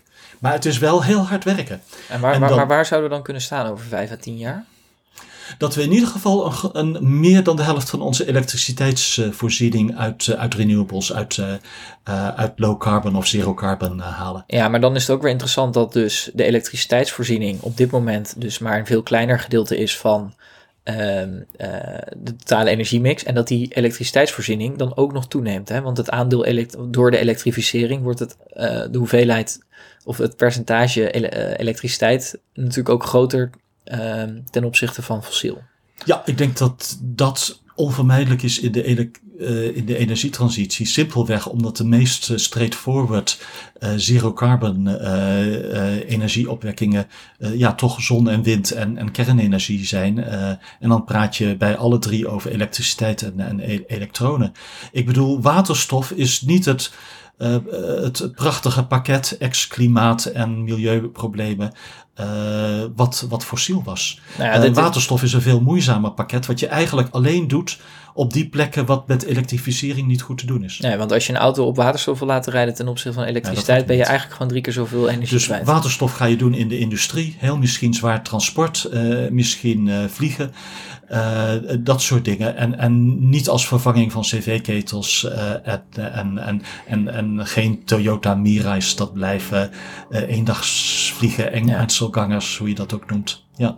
Ja, en dan is er dus nog het probleem, want jij zegt die, dat aandeel zon en wind gaat echt drastisch omhoog. Zou je over percentages durven, durven dromen van hoe hoog dat zou kunnen zijn met 5 à 10 jaar? Van de totale Ik denk 2030 dat, dat je in ieder geval 50 en hopelijk 70 procent haalt. En dat dan uh, het elektriciteitsnetsprobleem weer is, is opgelost. En dat je aan het langere termijn, wat wordt de backup? Wacht even, maar jij denkt in 2030 dat het op 50 à 70 procent uit zon en wind zit? Nou, niet zo zon en wind, maar duurzaam als geheel. Low slash zero carbon als geheel. Ja. Oké. Ja. En, en dat moet ook als je, als je echt de, de ambities eh, wilt halen. Met die kanttekening dat ja, mijn echte niche is het afscheid nemen van de fossiele wereld en minder de zon- en windwereld. Maar ik probeer het wel te volgen en af en toe schrijf ik er ook wat over. En ja. dat is wel de kant waar we heen gaan. En dan ja, komen de vraagtekens. Gaat waterstof 5, 10 of 30 procent doen? En komt kernenergie echt van de grond? Want uh, hoe impopulair ik ook ben bij sommige van de nucleaire voorstanders. Ik ben eigenlijk ook een fan, lid van de fanclub uh, Kernenergie. Je hebt heel veel tegenstanders, hè? Dat ja, nee, nee, dat is heel frappant. Uh, als je wat kanttekeningen maakt bij kernenergie, en meestal maak ik ze over de kostenkant, dat, dat, dat, dat levert heel veel kritiek op op sociale media. Ja. Alle NGO's zijn ook boos op je? Nou, dat, dat valt wel mee, oh, geloof ik. Okay. ja, nee, soms een enkele keer. maar, nou, wie, wie, Eigenlijk valt het mij reuze mee dat iemand met een fossiel verleden kan functioneren op sociale media als Twitter. Oké, want... Eigenlijk word ik heel aardig behandeld. Dat is misschien niet iets wat je vaak hoort van mensen. Ik hoop niet dat dit een oproep is om onaardiger te zijn, want volgens mij moeten we gewoon goed debat voeren met elkaar. Maar waar ik wel benieuwd naar ben, want uh, volgens mij zit het venijn in de staart. En dat is als we op een gegeven moment uh, 100% zon en wind, dat wordt heel lastig. Hè? Omdat er uh, ja. heet dat geloof ik. Ja. Momenten nou. zijn dat de zon niet schijnt en de wind niet wa ja. waait. Dus dat uh, gaat uitkristalliseren. En dat gaat, nou ja, dan ga je heel erg kijken van uh, hoe goed wordt ons systeem met flexibele vraag. Hoe goedkoop worden kleine kerncentrales op een gegeven moment misschien. Of grote ook wel, maar misschien SMR's, Small Modular Reactors. Misschien hebben ze wel een grote toekomst ik praat over 2030 heel veel zon en wind, maar misschien heb je in 2050 wel een uh, Borselen, uh, Maasvlakte, Eemshaven, drie clusters met, uh, met kerncentrales. En dat ja. zou ik eigenlijk wel heel mooi vinden. Maar je had het er net over dat die energievoorziening, dat er nu ook heel veel ingezet wordt op gas, omdat het heel makkelijk aan en uit te zetten is. Uh, Dat is bij kernenergie minder, geloof ik. Hè? Want dat is wel. Nou, en, maar dat is niet iets wat per se zo hoeft te blijven. Het is de bestaande generatie kerncentrales die niet, zo, die niet gebouwd zijn om snel op en af te regelen. Uh, maar dat kan veranderen voor de toekomstige uh, kleine kerncentrales die je modulair bouwt. Ja, een andere optie is om nog veel meer in te zetten op zon en wind en de overschotten aan energie op te slaan in, in, uh, in, in, waterstof en dat te gebruiken op het moment dat... Uh... Ja, al vraag ik me af, want uh, zo goedkoop is groene waterstof niet. ik heb het idee van groene waterstof, om dat economisch een beetje uit te laten kunnen, moet je die electrolyzers gewoon 100% van de tijd door laten rammelen. Ja. En dan wordt het gewoon heel duur. jive niet lekker met het overschot van zon- en windverhaal. Ja. Wat zouden we nou echt moeten doen als we nog... Kijk, die anderhalve graad, dat wordt gewoon heel erg lastig. Hè? Want eh, ik geloof dat we 400 gigaton CO2-budget nog over hebben... om twee derde kans te hebben om onder die anderhalve graad te blijven. Ja, en ik geloof dat, halen. Dat, dat, dat, dat is, in 2030 is dat op als we op deze manier doorgaan en de uitstoot mondiaal stijgt. Ja, nou, en we gaan gewoon voorlopig op deze manier door. Als we toch, want dan is 1,7 wel een reëler scenario, geloof ik, wat jij dat nog... is denk ik het absolute minimum wat nu nog reëel is. Wat, wat moeten we dan doen? Nou, we moeten de nooduitgang nemen, uh, aan een geoengineering gaan doen. En dat zullen we ook gaan doen op een gegeven moment eh, tegen de tijd dat we op 1.7 zitten. Ja, en want we gaan nog naar boven. Uh, een echt goed haalbare wereld, dat komt ook uit de IPCC, is gewoon alleen met anderhalve graad heel ver daarboven komen. Dat brengt de mensheid gewoon echt in de problemen. Mm, ik denk dat je een twee graden wereld ook heus wel overleeft, maar dat het gewoon heel vervelend is en dat wil je niet. Ja. Dus op het moment dat je tipping points ziet, dan gaan mensen vreselijk schrikken. En dan komen ineens uh, de, de dingen als solar, geo, uh, solar geoengineering, uh, solar radiation management. Dus ja, de meest straightforward oplossing, het artikel wat Paul Krutse, onze ene laatste Nobelprijswinnaar in Nederland geloof ik, schreef ooit over sulfate aerosols. in wezen dat je natuurlijke vulkaanuitbarstingen nadoet. Uh, en het is verrassend goedkoop en verrassend makkelijk vanuit technisch oogpunt. Maar vanuit ethisch en governance oogpunt is het uh, uh, heel Zeer moeilijk. En, en, en, en, kijk, laten we wel wezen, niemand wil eraan. Nee, want het is en het zou hele andere kantelpunten, die we zwarte zwanen eigenlijk kunnen veroorzaken. En het is natuurlijk ook, als je die deur openzet, dat is voor heel veel mensen een hele grote angst, wat ook bij CCS speelt, dus opslag van CO2 onder de grond van als we die kans hebben, laten we lekker doorgaan op deze weg. We spuiten de, de lucht wel vol met een nepvulkaan. Ja, en, en dat is de spagaat uh, die ik soms voel. Van, wil je dat überhaupt uh, noemen? Uh, en dat speelt natuurlijk ook met kernenergie. En, en dat het speelt met klimaatwetenschappers nog veel meer. Van, wil je überhaupt aandacht besteden in de publiciteit aan iets als sulfate aerosols en zo? Uh, als het tot gevolg kan hebben, inderdaad, dat mensen minder hun best gaan doen om minder broeikasgassen uit te stoten. Ja, ik zou toch hopen op dat scenario van 1,7 graad dan nog, wat dan het meest realistische scenario is. Uh, en dan moeten we gewoon echt drastisch terug. En dan zullen we toch echt dingen als een vleestaks wel gewoon moeten gaan accepteren. Echt onze vragen in Europa ook gaan terugdringen. Ja, en het probleem daarbij is denk ik, uh, dat is in de EU een vrij breed gedragen maar zeker niet 100%, maar wel, nou ja, uh, door een boel mensen gedragen streven. Ja, maar zelfs in de Nederlandse politiek komt het dus nog steeds niet door. Nee, maar ja, ik kijk dan meer naar Azië en Midden-Oosten en, en Afrika. Ik bedoel, de EU doet 8% van de wereldwijde uitstoot van broeikasgassen. Ik bedoel, daar wordt de toekomst en of wij 1 of 0,7 graden wel of niet halen, niet beslist. en dat is ook, ook dat is geen argument om, om niet ons best te doen. Europa kan een voorloperrol spelen. Uh, nou ja, zowel grote, moreel als ja. technisch. Want het grote tegenargument is natuurlijk dat als je het historisch gaat bekijken, dat wij wel veel hoger zitten. Uh, ja, maar zelfs dat ondertussen met de hoge uitstoot van China sinds 1990 uh, is al minder het geval eigenlijk. Chinese uitstoot per capita is ondertussen hoger dan van de EU. En en, en nou ja, dat met heel veel Chinezen telt ontzettend hard aan op dit moment. Ja, het enige voordeel is dat een staatskapitalistisch land natuurlijk iets sneller kan draaien dan een uh, democratie waarvan jij net ook al zei, het gaat af en toe Ja, dan komen we in moeilijke discussies. Is de democratie nog wel opgewassen tegen de grote geopolitieke en energietransitieproblemen die we nu hebben. Dat is een andere podcast. Uh, maar nee. Ja, maar zolang wij maar al onze veiligheid bij, bij van buiten, buiten de grens uh, zetten en dan denken dat we goed bezig zijn, dat heeft natuurlijk wel zijn grote kanttekening. En dat was denk nou ik ja, je, wel... je, je, wilt niet alleen naar de nationale uitstoot uh, kijken, wat er in Nederland wordt uitgestoken, maar je wilt naar de gevolgen van Nederlandse activiteiten wereldwijd uitkijken. En, en dat is nou, iets uh, ongelukkigs in het Nederlands systeem dat wij zo idioot gefocust zijn op onze nationale emissiecijfers.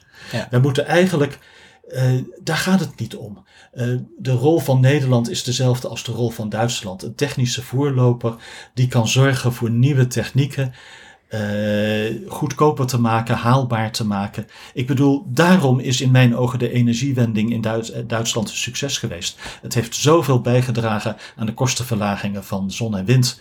En dat is het echte succes van de energiewende. Uh, en niet de verlaging van de Duitse uitstoot. En dat is ook de rol, denk ik, die Nederland zou moeten spelen. Ja, want kennis, daar zijn we eigenlijk altijd al goed in geweest, volgens mij. Ja, kennis en, en, en handel. Nou ja, misschien iets meer kennis en iets minder handel. Ja, vooral qua import van fossiele brandstoffen. Gewoon de vraag naar beneden. Dat Rotterdam is de grote doorvoerhaven voor fossiel en ook voor Russisch fossiel lang, lang geweest. ja. Oké, interessante visie. Uh, ik denk dat er een hoop mensen misschien ook weer anders naar kijken, zoals je al zei, want niet iedereen is het met je eens. Uh, daar ga ik dan daar ook over in gesprek. Willen mensen, uh, bijvoorbeeld het verhaal van Mark van Baal, dat was ergens tussen 20 en 30 geloof ik, is ook langs geweest. Ehm, maar ik vond het wel een hele interessante kijk. Zeker ook om te horen wat nou, fossiele brandstoffen precies zijn en waarom het ook zo moeilijk is om daar af te komen. Omdat ja, die dichtheid dus zo hoog is. De aarde is er heel lang voor aan het werk geweest. De, route naar de uitgang is echter wel heel belangrijk volgens mij. Um, ook mooi dat je daar wel gewoon achter staat. Wat ook niet iedereen altijd volgens mij op Twitter denkt, want ik volg jou hier en daar ook wel een beetje. um, maar dat blijft denk ik wel een leuke manier om ook de discussie te voeren. En uh, ja, als mensen het niet mee eens zijn, uh, mogen ze dat gerust laten horen. Um, ja, dus ik ben altijd wel nog even benieuwd naar één laatste vraag. Um, en ja, ik ben zelf inmiddels vier jaar onderweg in mijn uh, carrière. jij bent een beetje aan het einde. Je, bent, je hebt wel weer drastisch als een andere keuze ook gemaakt. Maar wat zou je de mensen die nu starten aan hun carrière willen meegeven? Um, doe datgene wat je interesseert, wat je leuk vindt, waarmee je een klik hebt. En uh, word niet de zoveelste consultant misschien, hoewel als je daar een klik mee hebt, ga het toch maar doen. Maar uh, ja, uh, we hebben toch ook een boel technische mensen nodig. Ja. Dus haast een pleidooi voor de fysica of de technische kant van de zaak. Als je dat aanspreekt tenminste, want je moet nooit iets doen wat je niet uh, aanspreekt. Ja, en ik denk dan zowel in de uitvoering als ook in de innovatiekant, hè, om die kosten van duurzame energie nog lager te maken. En stel we zouden over willen gaan op kernenergie, dan is ook daar volgens mij heel veel kennis verloren gegaan, waar we heel veel kennis terug moeten winnen. Ja, en dat is niet misschien de fundamentele kennis, maar wel de kennis hoe bouw je gewoon een kerncentrale tegen een beetje acceptabele kosten. En ook daar moet een beter en handig, handiger uh, reguleringssysteem uh, zijn. Ja. ja, nou dank voor je tijd. En uh, ja, veel succes ook met uh, toch ook de aandacht vragen voor die vraagkant. En ik denk dat jij nog een drukke winter tegemoet gaat met de telefoon opnemen. Als ik, ja, ik hoop van niet, maar ik hoop van wel. En jij succes met de podcast. En Jij zult ooit nog zien of we 1.7 halen of niet. Ja, nou dat hoop ik wel. Uh, in ieder geval dat ik zo oud word dat ik dat mee mag maken, uh, dat moment waar jij het op doelt. En ik hoop toch stiekem nog dat we toch die anderhalve graad kunnen halen. Maar dat wordt toch wel heel erg lastig. Dank voor je tijd, Jillis. Wil je de interviews terugluisteren met andere CEO's, politici, wetenschappers en activisten? Of meer weten over Ecosofie? Kijk op ecosofie.net.